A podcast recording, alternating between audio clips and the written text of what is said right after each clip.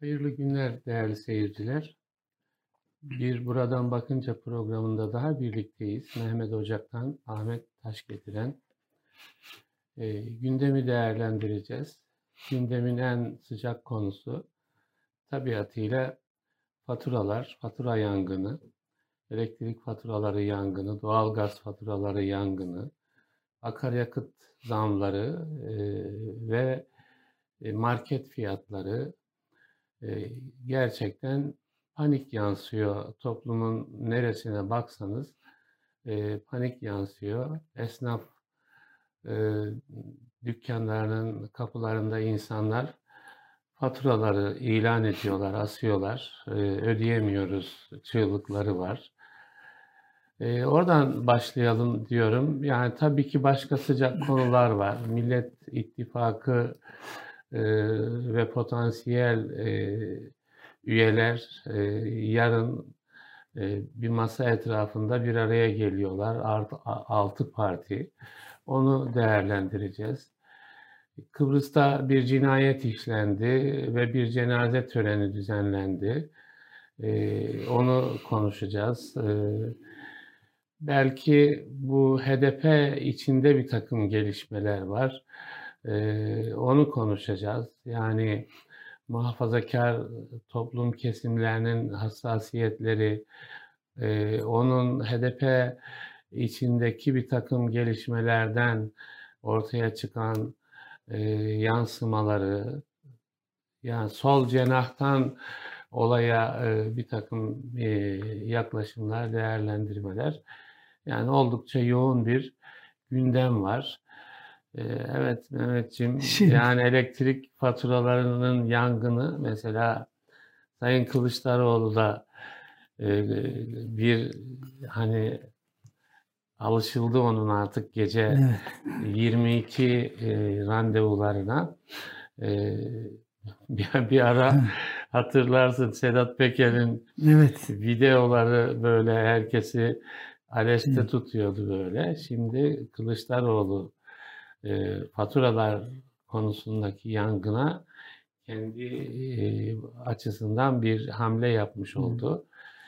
Şimdi tabii elbette yani hakikaten insanların biz zaman zaman meselelerin işte e, siyasi boyutları, Türkiye'nin e, siyasi meseleleri, işte ideolojik meseleler falan konuşuyoruz işte demokrasi hukuk. Yani zaman zaman yazıların altına gelen şeylerde de evet tamam bunlar sorun ama yani biz yangına bak yangına, yangına bakın yani yangını e, e, görmeyecek misiniz gibi evet, evet. E, elbette görüyoruz ama tabii e, şimdi insanlar elektrik faturalarını ödemek zorundalar. E, işte çarşıya, pazara gitmek zorundalar. Evine ihtiyaçlarını karşılamak durumundalar.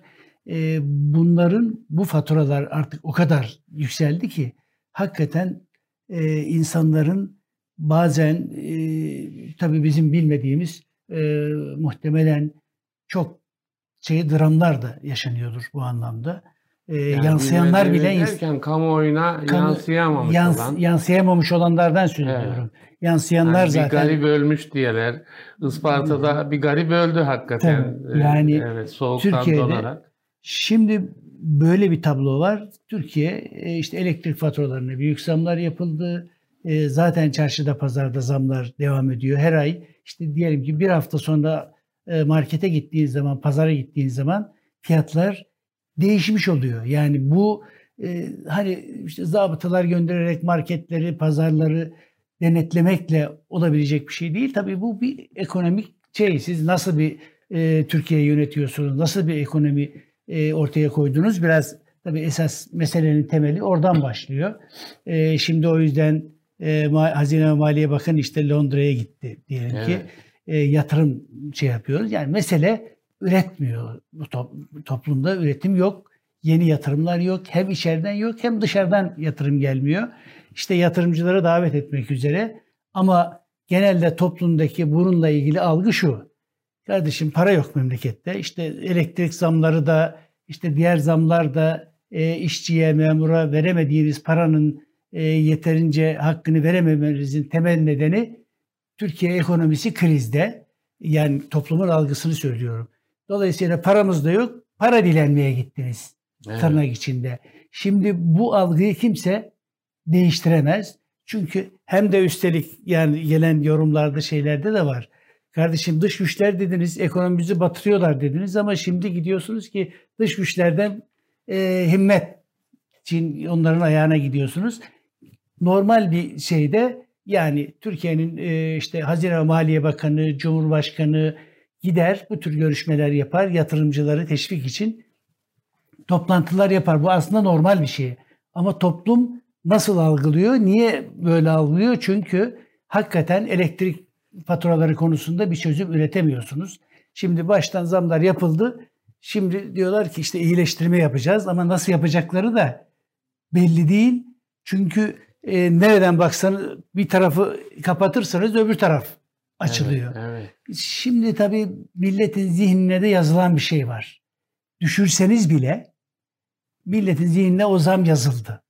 Evet. Hani mesela döviz konusunda 18'e çıktı. İşte 14'e indi, 13'te, 13'lerde, 14'lerde seyrediyor. Ama insanlar söze başlarken bunlar dövizi doları 18 liraya çıkarttılar diye başlayan onu artık geriye almak mümkün değil. Ne yaparsanız yapın.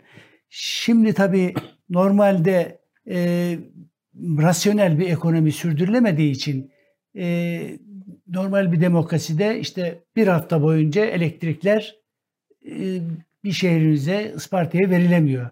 Hala da bazı bölümlere jeneratörle veriliyormuş. Yani evet, öyle bir mesele köylere, var. Evet. Köylere filan. Şimdi tabii bu başka bir ülkede olsa şu anda Enerji Bakanı orada yerinde oturuyor olmazdı. Normal demokratik bir ülkede böyle bir şey e, olamaz ve hesap yani kimden hesap sorulacağı şey değil. İşte vali garibim hasta oldu filan dendi. E, Covid olmuş gerçekten. E, Açığa yani geri çekildi. Geri çekildi. Yerine başkası vekaleten atandı filan.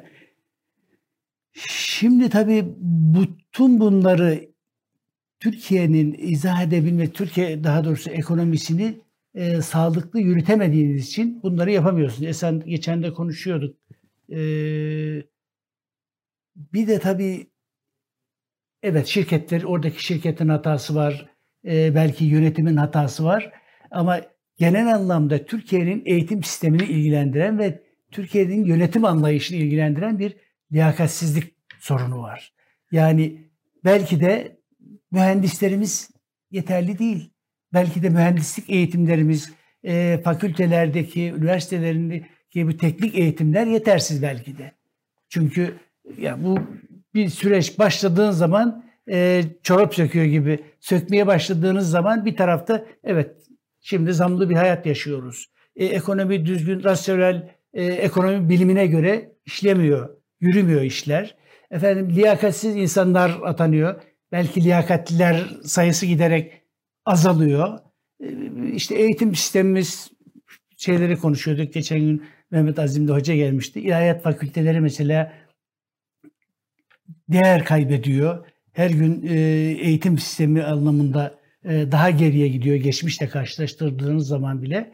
Yani Türkiye'nin genel toplamına baktığımız zaman e, bir liyakatsizlik var, kalite kaybı var ve bütün bunların sonucu işte hukuksuzluk var. Yani ben her zaman e, nerede bir ekonomik şey varsa, sıkıntı varsa, zamlar varsa geriye doğru gittiğiniz zaman bu ülkede hukukun düzgün işlememesinden kaynaklandığı kanaatine varıyorum. Belki ilk planda insanlar hani ya niye bu domates bu kadar pahalı dediğin zaman elbette hukuk aklına gelmez. Evet. Ama bir hukuk işlese, hukuk devleti olsa, herkes hesap verilebilir bir iktidarla e, karşı karşıya olsak herhalde bazı şeylerin niye Isparta'da elektriklerin bir hafta gelmediğinin hesabını veren evet. bunu hesap soran bir kurum olur. Böyle bir şey yok. Evet. Maalesef. Yani sen gene hukuka geldin. Ben, ben öyle hemen. hukuka geldin ama e, hakikaten Öbür tarafta bir yangın var ve insanlar tabii ilk planda o yangını söndürmek. Hmm. Hani denir ya yangında ilk kurtarılacak hmm. maddeler diye bir öncelik vardır. Şimdi diyelim ki küçücük bir iş yeri, ne bileyim 50 metrekare, 20 metrekarelik bir iş yeri. Oraya geliyor 10 bin liralık bir elektrik faturası. Ya da geçen ay diyelim 5 bin gelmiş 10 bine çıkıyor, 3 bin gelmiş 7 bine çıkıyor vesaire. E, adam doluya koyuyor, olmuyor, boşa koyuyor, dolmuyor. Böyle nasıl bu işin içinden çıkacağım ben, nasıl e, gelir elde edeceğim, işte bunu ürettiğim mala ne kadar yansıtacağım onun telaşı içerisinde. Yani peş peşe şeyler var. Şimdi elektrik faturaları, iktidar bunu açıkladı. Bizzat Sayın Cumhurbaşkanı açıkladı. Ve bunun ne kadar ağır bir yük teşkil ettiğini de gördüler, görüyorlar. Onun için hani hanelere verilen e, elektriğin e, en azından o e, ilk şeyi 210 kilovata çıkardılar. Ama e, o bile e, yani evler için hakikaten fahiş bir e, ödeme yükü getiriyor. Ama iş yerleri için getirilen zamlar çok daha korkunç boyutlara ulaşmış durumda. E, akaryakıt fiyatları yani her hafta adeta yeniden zamlanmaya başladı. Yani artık dolar doları çoktan geçti bir doları değil mi? Evet. E, artık euro ile ölçülmeye başlandı. E, ne bileyim ben e, işte e, doğalgaz e, hakeza yani kış dolayısıyla e, gelen faturalar e, insanların tahammül gücünü aşmış durumda. Bir psikolojik iklim yaşıyoruz yani adeta yani psikolojik terör değil mi? Bu bu hakikaten evet. dayanılmaz bir şey. Yani şunu söylüyor insanlar.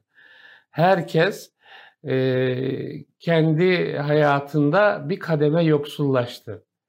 Bunu hissediyor insanlar. Sofralarında hissediyor. Markete gidince alışverişlerinde hissediyor. Hani mesela bazı televizyon haber bültenlerinde patlıcan, e, kabak, biber bunların fiyatları e, yansıyor. Belki şöyle konuşuluyor. Ya bunlar zaten mevsimi değil. Patlıcanı kim alacak? Kabağı kim alacak? Biberi kim alacak? Vesaire gibi. Ama insanlar oradaki o 30 lira, 32 lira, ne bileyim ben 29 lira rakamlarını gördüğünde o e, yani memleketteki enflasyon heyulasının nasıl insanların üstüne abandığının göstergesi olarak ortaya çıkıyor. Onun için bir gerçekten bir psikolojik daralma yaşanıyor. Herkes kendi hayatında sofrasından zeytini eksiliyor, peyniri eksiliyor, eti zaten eksilmiş, şimdi tavuğu da eksiliyor vesairesi. E, büyük bir e, panik yaşanıyor ve bunun nasıl düzeleceği noktasında mesela iktidar ne yapabilir? Elektrik fiyatlarında şimdi e, çare arıyoruz diyor mesela Enerji Bakanı. E, muhtemelen Sayın Cumhurbaşkanı da işte Covid e, negatif çıkmış artık e, yani sağlıklı hale gelmiş işlerine dönecek deniyor. Onun, onun gündemine getirilecek bazı şeyler. Şimdi şirketler var. Vaktiyle vermiş olduğunuz şeylerin e, e, yani ekonomik bedeli şimdi ortaya çıkıyor. Değil mi? Özelleştirmişsiniz e, ve sağlıklı bir özelleştirme olmadığı için onun bedelleri şimdi ortaya çıkıyor. Nasıl çözüm bulunacak? Şimdi mesela Kılıçdaroğlu bir hamle yaptı. Ee, işte saat 22'de e, ekranlarınızın başına geçin bir açıklama yapacağım dedi. Ve ben elektrik faturalarımı ödemeyeceğim. Geri alınıncaya kadar bu zamlar dedi. Şimdi bu muhalefetin bir hamlesi. Hakikaten insanlar sokaklarda kaynıyor bir anlamda. Yani bir e, sivil öfke söz konusu. Fa- faturalar yakılıyor. Bazı yerlerde yürüyüşler, gösteriler yapılıyor. Ama e, yani gerçekten tahammül edilmez bir e, nokta söz konusu. Nasıl çare bulunacak? Şimdi belki de yani Kılıçdaroğlu'nunki tartışılıyor değil mi? Yani evet ki doğru bulanlar var, şey doğru bulanlar, bulanlar var. var. Ama bu sonuçta işte, bir hamle yapıyor. Evet, Bahçeli dedi bu isyana teşviktir vesaire ama yani bedeline katlanırsanız sivil itaatsizlik kurumu var e, demokratik ülkelerde.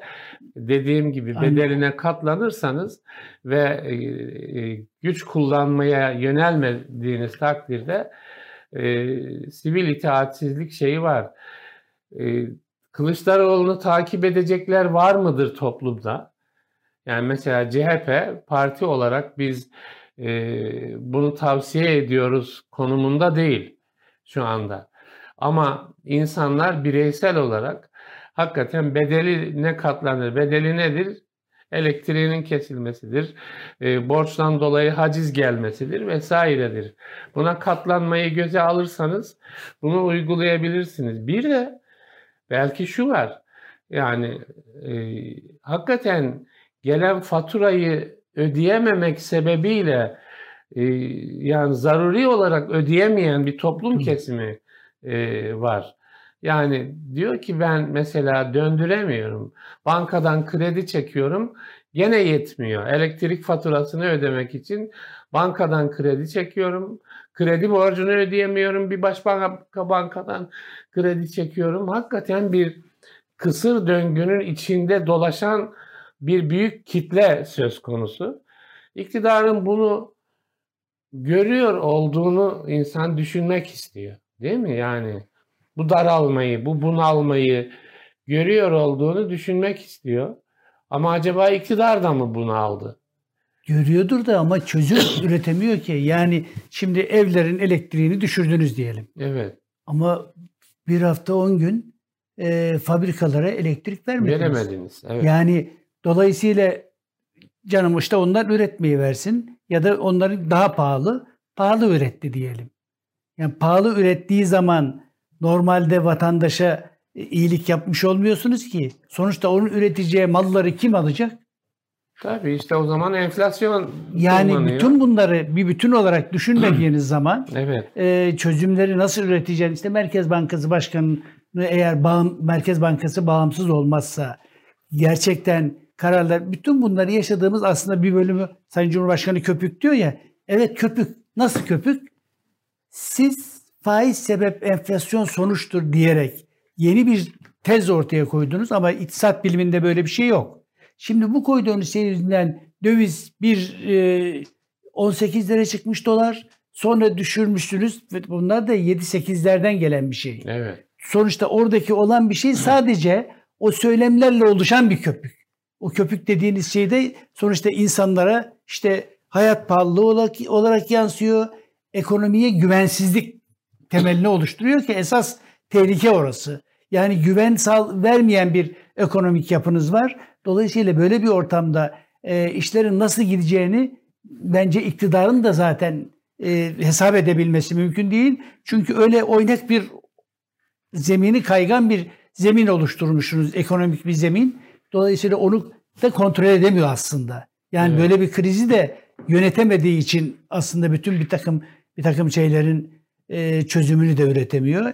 Muhtemelen şimdi bir şeyler indireceklerdir. Aslında Kılıçdaroğlu'nun biraz da e, hamle yapmasının yani sonuçta muhalefet partisi bir şeyler yapmak istiyor. Bekliyor. Bekliyor olacak bir şey yani muhtemelen. Ön almış oluyor. Ön almış oluyor. Hem evet. de topluma tercüman olmuş oluyor evet, bu anlamda. Evet. E, muhalefet partilerde zaten bir takım böyle hamleler yapmak durumundalar. Aksi takdirde evet. E, başka türlü olmaz bu işler. TÜİK'in mesela önüne gitti değil mi? Yani ee, hepsi bunlar birer siyasi hamleler ee, tabii. Evet.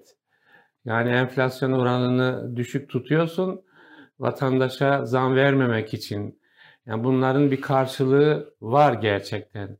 Yani evet, içinde yaşanan psikolojik bunalım, gerilim ortamında bunların bir karşılığı var. Mesela öfkeye denk geliyor söylemleriniz. Yani değil mi? Toplumdaki TÜİK'e güvenmiyor mesela toplum. Evet, Dolayısıyla siz onu dillendirmiş oluyorsunuz. Mesela Milli Eğitim Bakanlığı'nın önüne gidiyor. Orada mülakatlarla ortaya çıkan bir haksızlık var.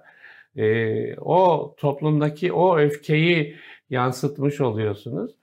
Bu muhalefet adına e, yani bir anlamda iyi hesaplanmış e, bir tavır.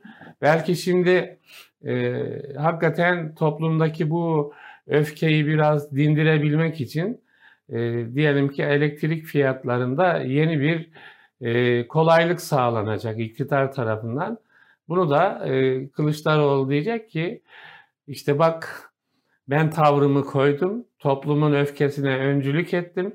Ben tavrımı koymasaydım bunlar bunu yapmazlardı tarzında bir e, sonuç ortaya çıkmasını belki de e, sağlamış olacak. Aslında iktidarın bu e, bir e, plana, programa dayanmayan ve ekonomiyi de hani bir rasyoneliteyle yönetememediği için her yaptığı aslında iyi olsun diye yaptığı şeylerin bile artık bir işe yaramadığı. Yani ben mesela hani ilk açıkladıkları zaman işte elektrik zamları açıklandı sonra feryatlar gelince işte düzenleme yapacağız, iyileştireceğiz. Sonra bir 210 e, kilovata çıkardılar. Sonra bu da yetmeyince tekrar iyileştirme dedim ki geçmiş olsun. Evet, evet. Yani bunu çünkü her yaptığı iş yaptığı yanlışı milletin zihnine tekrar tekrar çakmaktan başka aynen, bir işe yaramıyor evet, maalesef. Evet. Bir de tabii senin de işaret ettiğin bu e, Hazine Maliye Bakanı'nın Londra seyahati var. Oraya zaman zaman gidiyor e, bizim Hazine Maliye Bakanlarımız. Yani daha önce Berat Albayrak gitti, Mehmet Şimşek gitti. Çünkü Türkiye'nin hani dış finansman ihtiyacı var. Ee, yani kendi iç finansmanıyla e, çarkların dönmesi zor. E, bunun için de Londra finans e, gruplarına e, başvuruluyor. Türkiye ekonomisi e, anlatılıyor. Bizim ekonomimiz işte e, yatırım için elverişlidir, size fazla kar getirir, e, bize yatırım yaparsanız e, ya da fon kullanırsanız bizim e, ülkemiz için e, sizin yararınıza olur. Yani normal dil budur zaten değil mi? Yani kendi ülkenizi pazarlıyorsunuz. Kime pazarlıyorsunuz? Dünya finans e, gruplarına pazarlıyorsunuz. Onlar da babalarının hayrına bu işi yapmıyorlar. Onlar Tabii. da karlılık e, ilkesiyle hareket ediyorlar. Düzen böyle işliyor dünyada. Yani bu düzenin dışına çıkabilseydi mesela siyasi iktidar Türkiye'de uyguladığı mesela faiz sebep enflasyon sonuç falan gibi politikaların bir anlamı olabilirdi. Ama gidiyorsunuz işte yani dünya bankerleriyle e, finans konusunu konuşuyorsunuz. Bu da faizli işlem demek. Bundan e, çıkış imkanı şu anda Türkiye'nin en azından e, bulunmuyor. Tabii oraya giderken yalnız gitti biliyorsun Mehmetciğim. Yani Merkez Bankası Başkanı'nı yanına almadı. Merkez Bankası Başkanı genelde e, bu tür toplantılarda bulunuyordu. Bugüne kadarki geleneklerde o vardı. Yani sizin e, fiyat politikalarınız, faiz politikalarınız vesaire onun e, bağımsız bir merkez bankası onun garantörü gibi duruyor. Dünya öyle görüyor. Şimdi Merkez Bankası'nı adeta yani fonksiyonu azaltılmış, sınırlı sorumlu bir kurum haline getirdiğimizin göstergesi olarak e, okunduğu ifade ediliyor o, o toplantılarda. Bakalım nasıl bir sonuç doğuracak.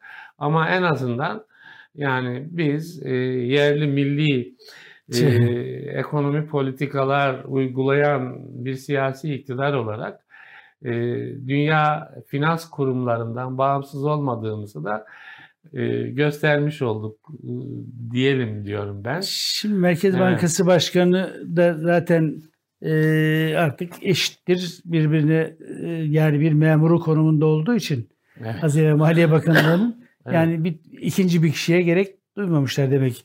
Merkez Bankası'nın bir şeyi var. Bugün bizde de var. Diyor ki enflasyon yükseldi, dolar ve faiz düştü.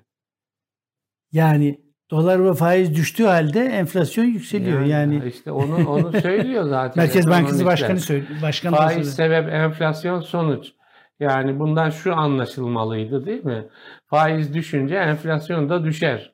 Halbuki e, faiz işte Merkez Bankası e, faizi yüzde 14 Ee, ama enflasyon yüzde 48 ne bileyim yani TÜİK, TÜİK rakamına göre bile e, yüzde 50'nin hemen eşiğinde ve üretici fiyatlarında yüzde yüze yakın.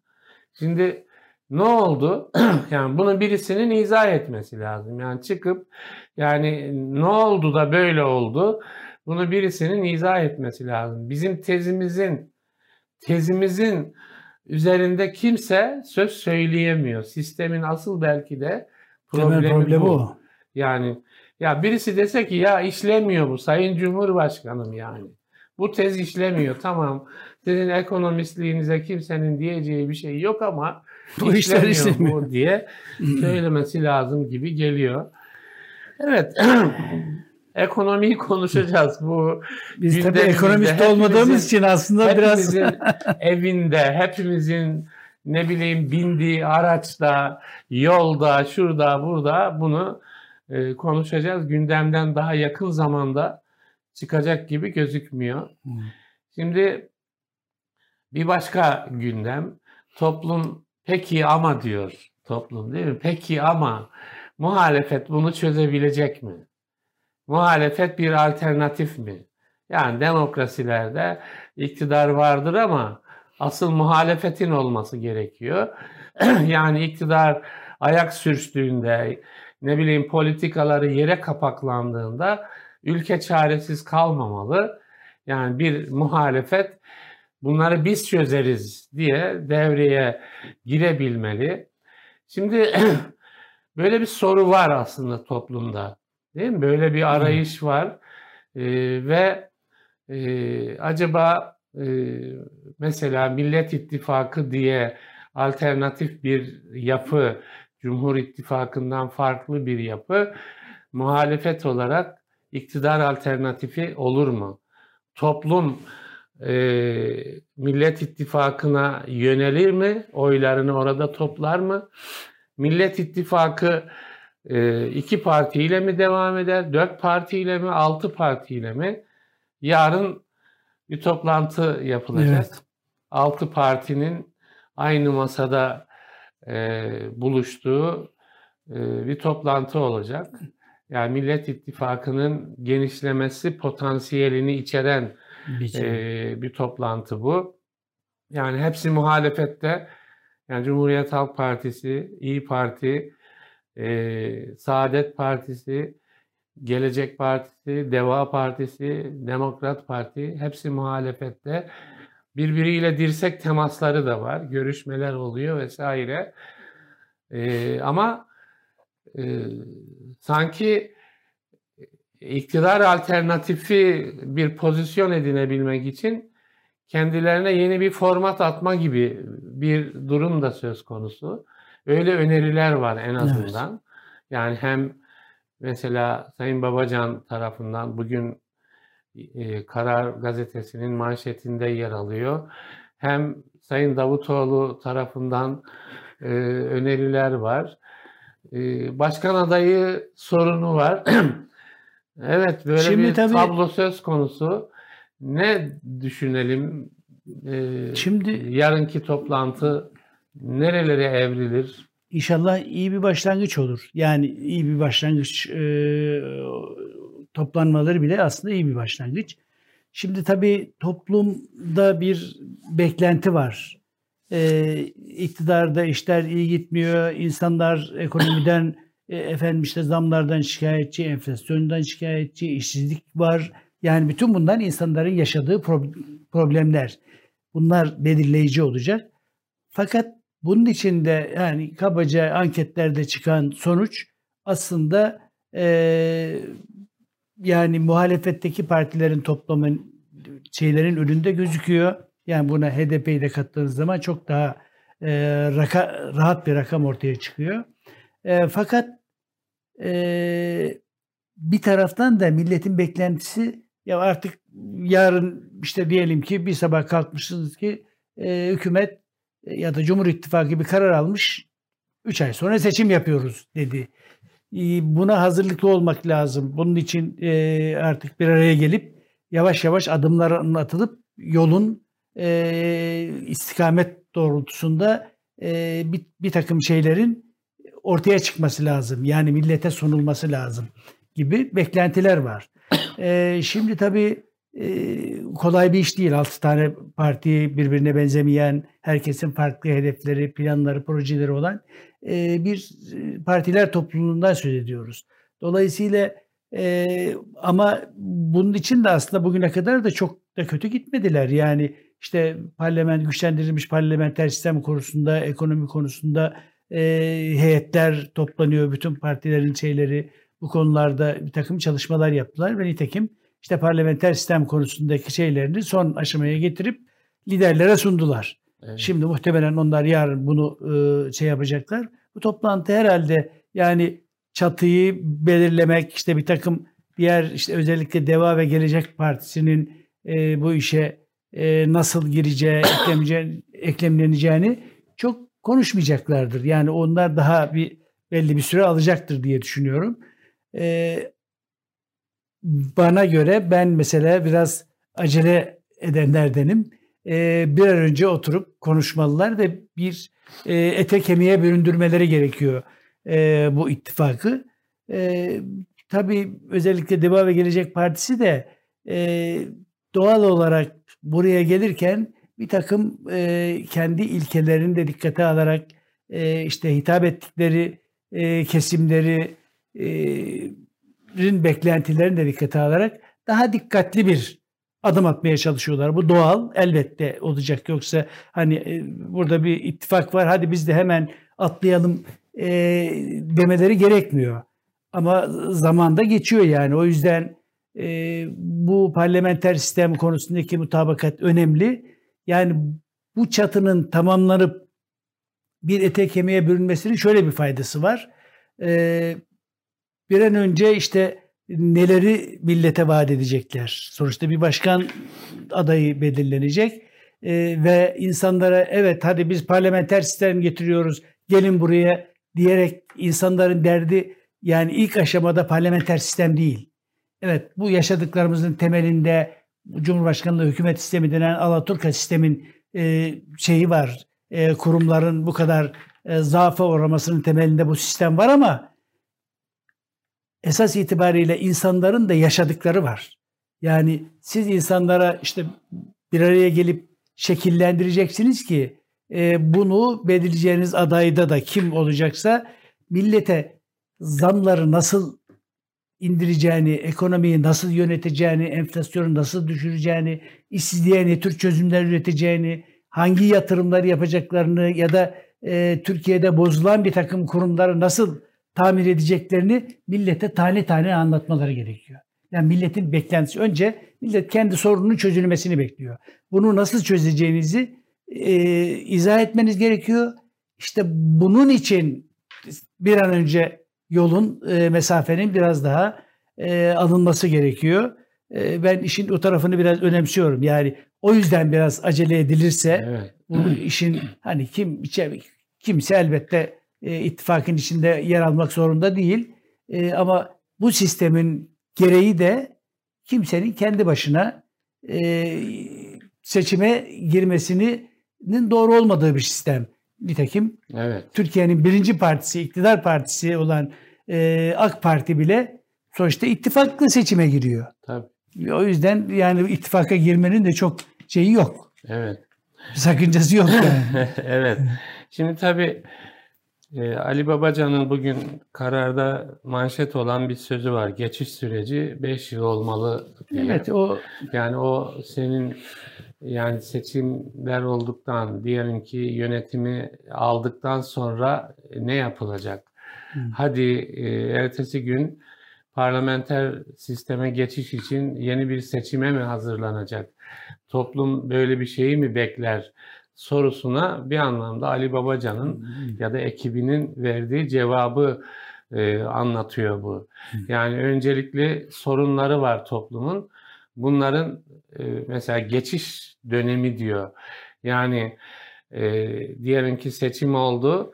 E, topluma e, şunu söylüyorsunuz. Biz 5 yıllık sürede e, bugüne kadar açılan yaraları tedavi edeceğiz. Onun sonunda da parlamenter sisteme geçeceğiz tarzında ve şöyle diyor Babacan bu 5 yılı da sanki parlamenter sistem içindeymiş gibi programlamalı e, diyor. Evet. Şimdi tabii e, hakikaten mesela mevcut sistemin e, problemini görmek gerekiyor ve ondan sonra e, yani sizin oluşturduğunuz yapıyı o problemi giderici bir e, yapı gibi planlamanız da gerekiyor. Ben öyle düşünüyorum. Evet. Şimdi mesela %50 artı bir denklemi eğer toplumda kamplaşmaya, bir tür herkesi kimlik politikası uygulamaya zorluyorsa siz de altı partiyi bu nitelikte bir kemikleşmiş, e, bloklaşmış bir yapı halinde oluşturduğunuzda sorunu devam ettirmiş oluyorsunuz. O açıdan verilecek mesaj belki de değil mi? Yani o noktada da Davutoğlu'nun yaklaşımını ben şahsen önemsiyorum. Yani toplumun tüm damarlarını e, dikkate alan ve onları kucaklamayı ihtiva eden toplumun tüm damarlarının e, yadırgamadığı, kendisini dışlanmış hissetmediği bir perspektif, vizyon e, içinde bir politika belirleyelim. Yaklaşımını da önemsiyorum. Şimdi bazı e, medya değerlendirmelerinde şu tarz şeyler görüyorum. İşte Davutoğlu kendine yer açmaya çalışıyor falan. Bunları ben e, bir tür ön kesme, itibarsızlaştırma, Davutoğlu'nu bu yapı içinde konuşamaz hale getirme e, hamleleri, adımları bir takım odaklardan o tarz e, üfürülmüş şeyler olarak e, okuyorum. Yani doğru olan o. Şimdi bu bir mesela Millet İttifakı yani mesela Cumhuriyet Halk Partisi'nin baskın olduğu bir ittifak görünümünde olursa bu bence o yapının gayesine hizmet etmez. Bunu zannediyorum mesela Kılıçdaroğlu da istemez değil mi? Zaten öyle bir yapının oy karşılığı da sınırlıdır. Onun için ittifak söz konusu. Mesela İyi Parti ile ittifak bu yapıya e, mesela en azından e, milli duyguları e, daha e, önde toplum kesimlerinin katılmasını sağlamıştır diye düşünüyorum. Yani e, Saadet Partisi'nin tabii, tabii. bu yapı içinde var oluşu, Demokrat Partisi'nin hatta e, Demokrat Parti de e, yani hem muhafazakar hem merkez değerlerini e, önceleyen e, bir hareket. Yani Gültekin Uysal'ın çizgisi de ben bir programda izledim. Gerçekten dengeli e, açıklamaları bir duruşu var Gültekin Uysal'ın. Yani bunların hiçbirisinin önemsenmemesi gerekiyor. Yani e, önemsemezlik yapmamak gerekiyor. Yani Ali Babacan'ın bir devlet tecrübesi var. Ahmet Davutoğlu'nun bir devlet tecrübesi var. Bunlar e, her birisi farklı e, değer katılımlarını sağlayacaktır evet. e, böyle bir ittifaka. Onun için e, yani liderler sanıyorum daha e, bütün bu hassasiyetleri dikkate alarak masaya oturuyorlar. Benim gözlemlediğim o. Tabanlarda belki e, bir takım şeyler öne çıkıyor. Yani diyelim CHP her şeyi belirlesin. Niye? En fazla oyu olan parti odur. E, yani diyebilirsiniz ki o zaman CHP girsin. Yani işte o, o, o da değil yani. Yani o da değil. Onun için e, yani mesela partilerin CHP'ye eklemlenmesi tarzında bir e, beraberlik hiçbir zaman e, böyle bir ittifakı e, fonksiyonel bir ittifak haline getiremez e, kanaatindeyim. Netice itibariyle ben şahsen mesela yani e, Cumhur İttifakı'nın e, kamplaştırma yönündeki politikalarını eleştirerek gelen bir insanım. Bunu AK Parti'ye yakıştıramayan, AK Parti'nin başlangıçtaki politikalarıyla çelişen bir durum olduğunu ifade eden bir insanım. Yeni bir e, alternatif söz konusuysa onun da böyle bir ülke kamplaştırması e, çizgisini besleyecek tavırlardan uzak durmasını e, doğrusu gerekli görürüm. O açıdan e, yani hakikaten hassas bir şey bence. Ülkeye alternatif sunmak istiyorsanız o dili doğru belirlemek gerekir. Mesela zaman zaman konuşuyoruz değil mi birlikte? Yani muhafazakar kesimlerin hassasiyetlerini dikkate almamız alınması gerekiyor. Yani onların e, kazanımlarını kaybetme e, gibi bir kaygıları varsa onu görmek gerekiyor. Onu yok böyle bir şey deyip geçiştirmemek gerekiyor diye konuşuyoruz. O açıdan yarın bir başlangıç olacak. Belki yani... de yeni bir yürüyüşün başlangıcı olacak. Ee, ben her şeye rağmen hassas olundu. Ee, yani bunun e, bir hassasiyet gerektirdiği kanaatindeyim.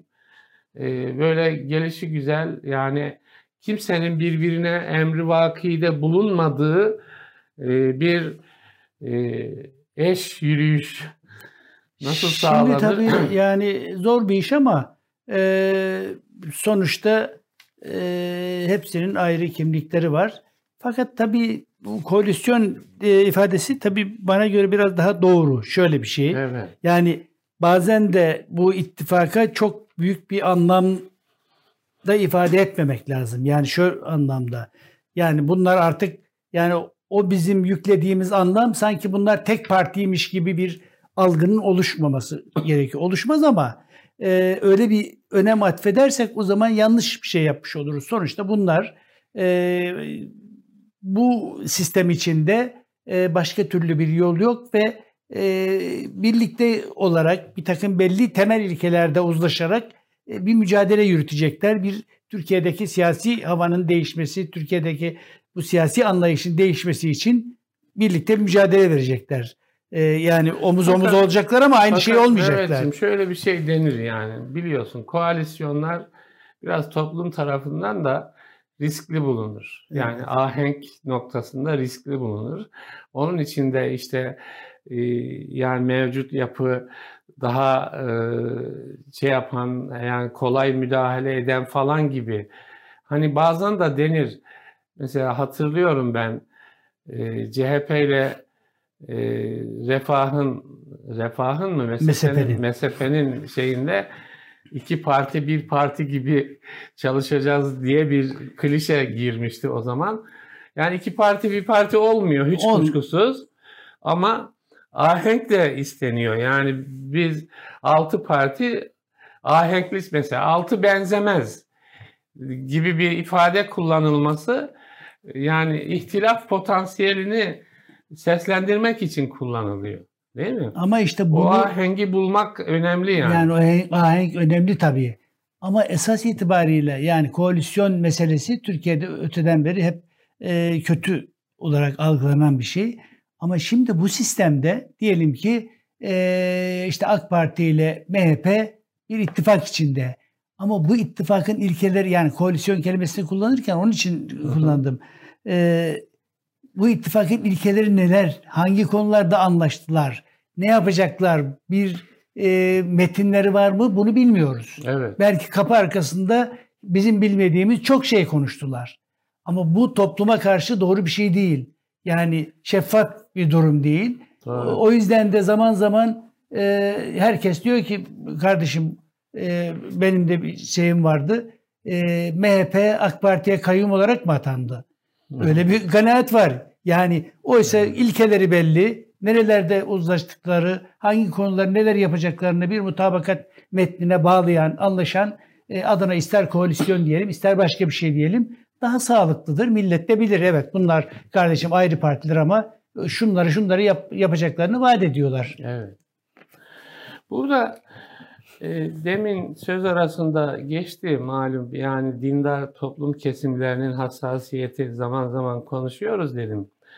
Yani bu geçtiğimiz günler içerisinde HDP'li bir bayan milletvekilinin mecliste bir konuşması oldu.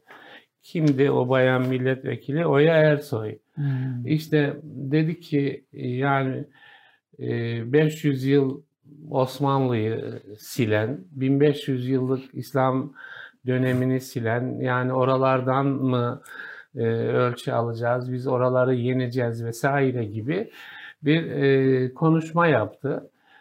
E, ona HDP içerisinden iki tepki geldi. Birisi Hüda Kaya'nın tepkisiydi, birisi de Ömer Faruk Gergerlioğlu'nun tepkisiydi. Onlar yani e, bu söylemin e, HDP'nin geniş yapısını da e, olumsuz etkileyeceğini, Kürt toplumunun kodlarını yansıtmadığını ifade etti. Ömer Faruk Gergerlioğlu hatta çok e, net bir e, şeyde bulundu, uyarıda bulundu. Şimdi onunla ilgili ben e, Oya Baydar'ın bir yazısını gördüm. Yani bu gerici suçlamaları, şunlar hmm. bunlar yani e, noktasında e, Oya Baydar eski sosyalist hareket içerisinden gelen bir hmm. yazar. Ya zaman zaman da e, farklı e, platformlarda tartışmalar olmuştur. Yazı yazıyoruz hep. E, bütün bu zaman içerisinde karşıt düşünceler ifade etmişizdir. Ama Oya Baydar'ın e, yani öteki cenahtan dindar toplum kesimlerinin hassasiyetine e, dikkat edilmesi, hassasiyetlerine dikkat edilmesi uyarısını şahsen önemli buldum ben. T24'te bir yazısı çıktı. Kendi annesinden örnek vererek yola çıkıyor. Diyor ki işte 80 yaşlarında annem diyor televizyonda başörtülü kadınları, genç kızları görünce adeta cini tepesine çıkardı. İfadeler bana ait. Yani e, mealen veriyorum. Yani bunlar bu kara böcekler hala niye şey yapıyorlar vesaire diye tepki gösterirdi diyor. Yani bizim e, kitlelerimizde böyle bir tepkisel zemin vardır diyor. Yani biz mecliste diyor dışarı dışarı şeyleri yapmadık mı bir başörtülü kadın milletvekiline diyor. Karikatürler çıktı bizim medyamızda diyor. İşte bir erkek sakallı bir erkek arkasında çarşaflı dört kadın kadınlar affedersin domuza benzetilmiş vesaire diyor. Ya bunlar bir toplum kesimini rencide edici yaklaşımlar. Bunlardan çıkmak lazım vesaire gibi bir hatırlatmada bulunmuş. İlginç buldum ben. Yani şimdi bazen e, yani işte altı partinin şeyi diyoruz ya bu partilerin içerisinde diyelim Saadet, diyelim İyi Parti, yani diyelim Gelecek, Deva, Demokrat Parti. Yani bunların e, üçü de e, muhafazakar dindar toplum kesimleri zeminine dayanan şeyler. Yani Demokrat Parti işte Demokrat Parti çizgisinden gelen bir parti sonuçta. Şimdi e, yani mesela bu yapının Millet İttifakı yapısının yani bence en az e, Cumhur İttifakı kadar toplumun bu hassasiyetlerine dikkat etmesi gerektiğini düşünüyorum şahsen. Yani orada bir alt kültür var. Senin de zaman zaman bulunduğun ortamlarda gözlediğin bir alt kültür var. O depresi veriyor. Anlatabiliyor muyum? Bu HDP içinde depreşiyor, zaman zaman CHP içinde depreşiyor, zaman zaman sol sosyalist medya içinde depreşiyor. Yani hakikaten Türkiye'yi yeni bir barış iklimine doğru e, yönetmek için mesela Millet İttifakı'nın bir misyonu olmalı diye düşünüyorum. Şimdi tabii ben aslında bu e, kesimlerin azınlıkta olduğu kanaatindeyim ama yani Türkiye zaten %65'i muhafazakar bir toplum. E, işin öyle fotoğrafın temeli bu. E, dolayısıyla bu e, işte HDP içindeki o milletvekilinin söylemleri zaman zaman medyada e, hatta Cumhuriyet Halk Partisi içindeki bir takım isimlerin e, böyle bir şey dinlendirmelerinin e, bir temeli var. Yani öteden beri e, geçmişte e, işte üniversitelerde başörtüsü konusunda başka konulardaki yaşanan sıkıntılarının temelini de aslında bu zihniyet iklimi belirledi ve onlar e, hakim bir zihniyetti. E, fakat bunların şu an itibariyle baktığımızda da aslında çok bir e, ne gücü ne de kıymeti harbiyesi var. Ama esas e, işte zaman zaman özellikle bu sol medyadaki ulusalcı yapılardaki e, görüntü e, bunlar işte Cumhuriyet Halk Partisi'nin bir şeyi gibi gözüküyor.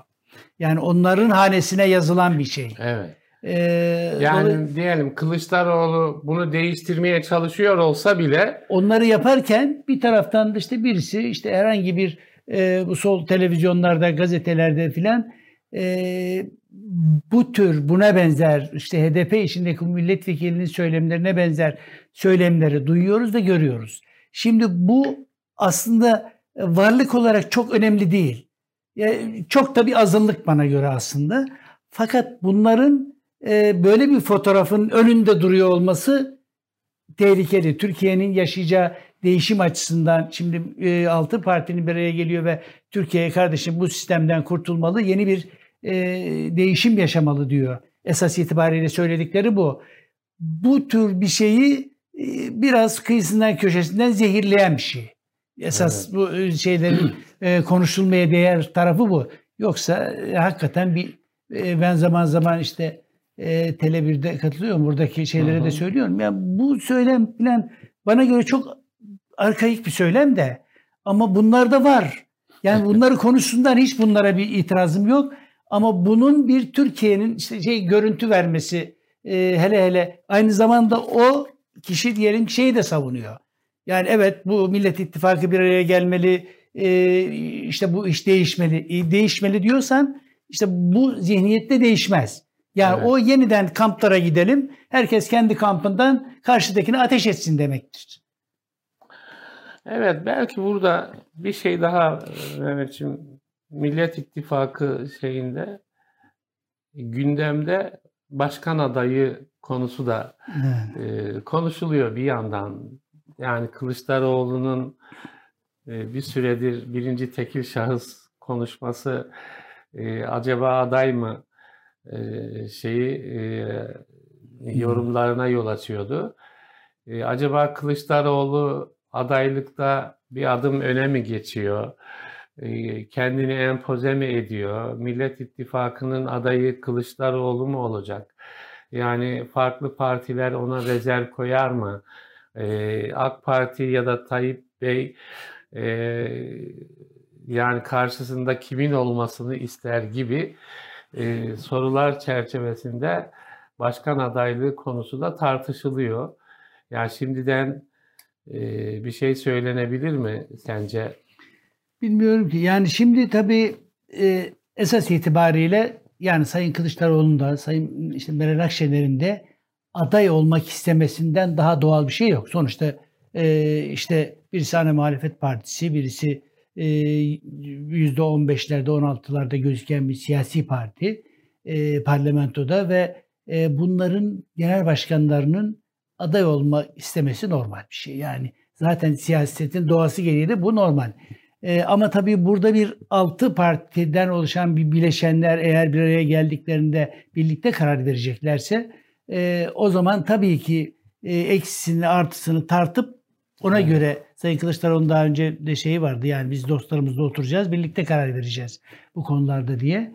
E, ama e, şu noktada Cumhurbaşkanı adayı olmak istediği görüntüsü biraz daha ön plana çıkan bir durum var. Yani evet. onu da görmek evet, lazım. Yani bu e, yani genelde başkan adaylığı çok önemli değil gibi zaman zaman söylemler de oluyor ama e, süreç içerisinde e, onun öne çıkacağı yani başkan adayını belirlemenin mesela Sayın Babacan'ın e, ifade ettiği bu 5 yıllık geçiş süreci ya yani bir koalisyon bir yani 5 yıllık yönetim e, den söz edilecekse burada e, hakikaten e, hangi liderin nasıl bir e, sorumluluk üstleneceği e, bu önem kazanıyor.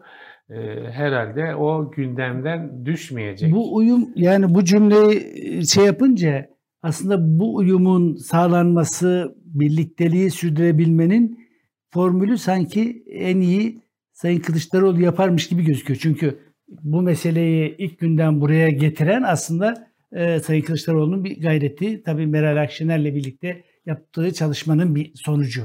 O yüzden eğer 5 yıl sürecekse yani e, tabii ki çok daha dikkatle düşünülüp üzerinde iyi analiz yani yapılması kazanma gerekiyor. E, şeyi de değil mi? Kazanma önce kazanmak gerekiyor. Potansiyeli Esas mesele o. E, konusu da e, önemli. Yani ortaya çıkan kamuoyu yoklamaları e, nereye doğru evrilecek e, bunlar da e, önemli. Onlar da herhalde masaya yatıracaklar. E, evet epey konuşulacak konu evet. var e, masada. İlk masada olmayacak anlaşıldığı kadarıyla yarınki masa değil mi? Ondan sonra da herhalde Daha epey bir, bir hayli şey olacak. E, konuşulacak. Sonuçta altı parti var e, kendi kimlikleri var değil mi? Tabii, tabii. Kendi tabanları var vesaire. Bir de son olarak yani vakti de ilerliyor. Şöyle 4-5 dakikamız kaldı. Ee, Kıbrıs'ta bir cinayet işlendi. Falyalı cinayeti diye e, biliniyor. Yani oradaki kumarhane bahis işletmeleri yapan bir kişi Sedat Peker'in açıklamalarıyla bir takım kara para evet. işlerine de karıştığı ifade ediliyordu. Türkiye'de de bir cinayetler var, evet. ölümler var. ee, yine e, yani mafya bağlantısı olduğu, yeraltı bağlantısı olduğu ileri sürülen insanlar mesela yakalandı, gözaltına alındı zanlı olarak. Ee, ilginç bir şey cenazesinde e, neydi neredeyse KKTC'nin e, bütün bütün e, şeyi ne resmi diyelim, erkanı resmi erkanı e, hazır bulundu. Başbakan, İçişleri Bakanı e, dahil e, ve tabutunun üstüne hem Kıbrıs Türk Cumhuriyeti bayrağı hem de Türk bayrağı kondu. Yadırgandı bu. Yani e, bir kere e, Peker'in iddiaları açıklığa kavuşmadı. Peker sustu mesela. Belli ki susturuldu. Peker sustu, susturuldu. Peker'de başka hangi iddialar vardı da susmak, susturulmak zorunda kaldı? Falyalı e, nasıl böyle bayrak örtülerek e, aklanmış mı oluyor? Kıbrıs e, şeyinin erkanının, resmi erkanının temize çıkarması ne anlama geliyor? Böyle bir sorun Türkiye'de. Ankara nasıl baktı bu bayrak e, serme işine? Şimdi tabii e, mesele yani artık herkesin malumu olan işte bir e, kara para aklama, uyuşturucu trafiği, evet. e, yasa dışı bahis konularında e, faaliyetleri olduğu Kıbrıs'ta da Türkiye'de 100 milyon e, dolarlık bir kara para bahisini yönettiği e, söyleniyor. E, Amerika tarafından yine bu kara para ve uyuşturucu trafiği konusunda e, ta, onları yönettiği konusunda e, 2011 yılında şey oluyor. Sonra e, bu konuda tutuklama kararı veriliyor ve aranan bir isim. Evet. Yani bir yıl böyle işin e, Kıbrıs'tan dışarı çıkamayan çıkamayan bir, bir isim, isim olarak biliniyor. İşte e, daha önceki başbakanı Kıbrıs Başbakanı ile ilgili e, kasetler Peker'in açıklamaları vardı. İstifa işte, etti. İstifa etti filan. Şimdi tabii bütün bunlar e,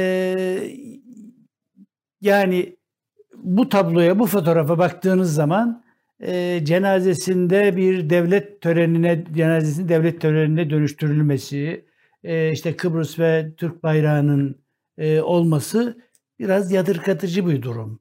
Yani eğer TMT şehit değilse, Öyleyse bilemiyoruz o zaman. Onu bilmemiz lazım. Evet. Ee, ve dün bir arkadaş... TMT yani Türk Mukavemet, Mukavemet Teşkilatı Teşkilatı'nın şehidi yani Hani o öyle bir onun üyesi ise öyle yani, bir şeyden yani dolayı mı? Üyesi olur da TMT Ama böyle de- nerede kaldı yani Hayır şimdi? anladım yani. TMT nerede kaldı? Ancak öyle bir evet. şey olsaydı belki bu bayrakların Hı hı, ikisi birlikte evet. konulabilirdi. Ee, şimdi öyle bir şey olmadığına göre ve önümüzdeki fotoğrafta kirli bir fotoğraf. Yani bu nereden bakarsanız bakın. Evet. Dolayısıyla e, buna e,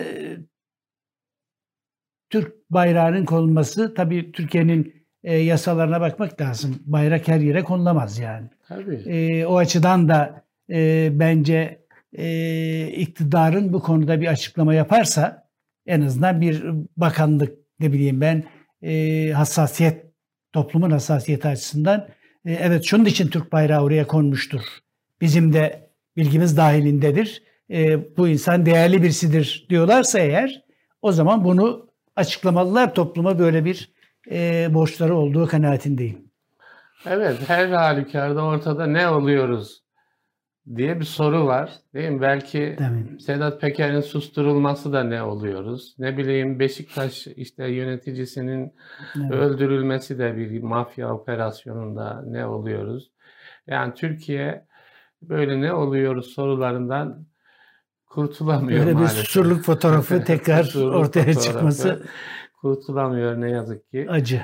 Evet. Evet değerli seyirciler, e, buradan bakınca programının bugün de sonuna geldik. Haftaya buluşmak üzere hayırlı günler diliyoruz efendim.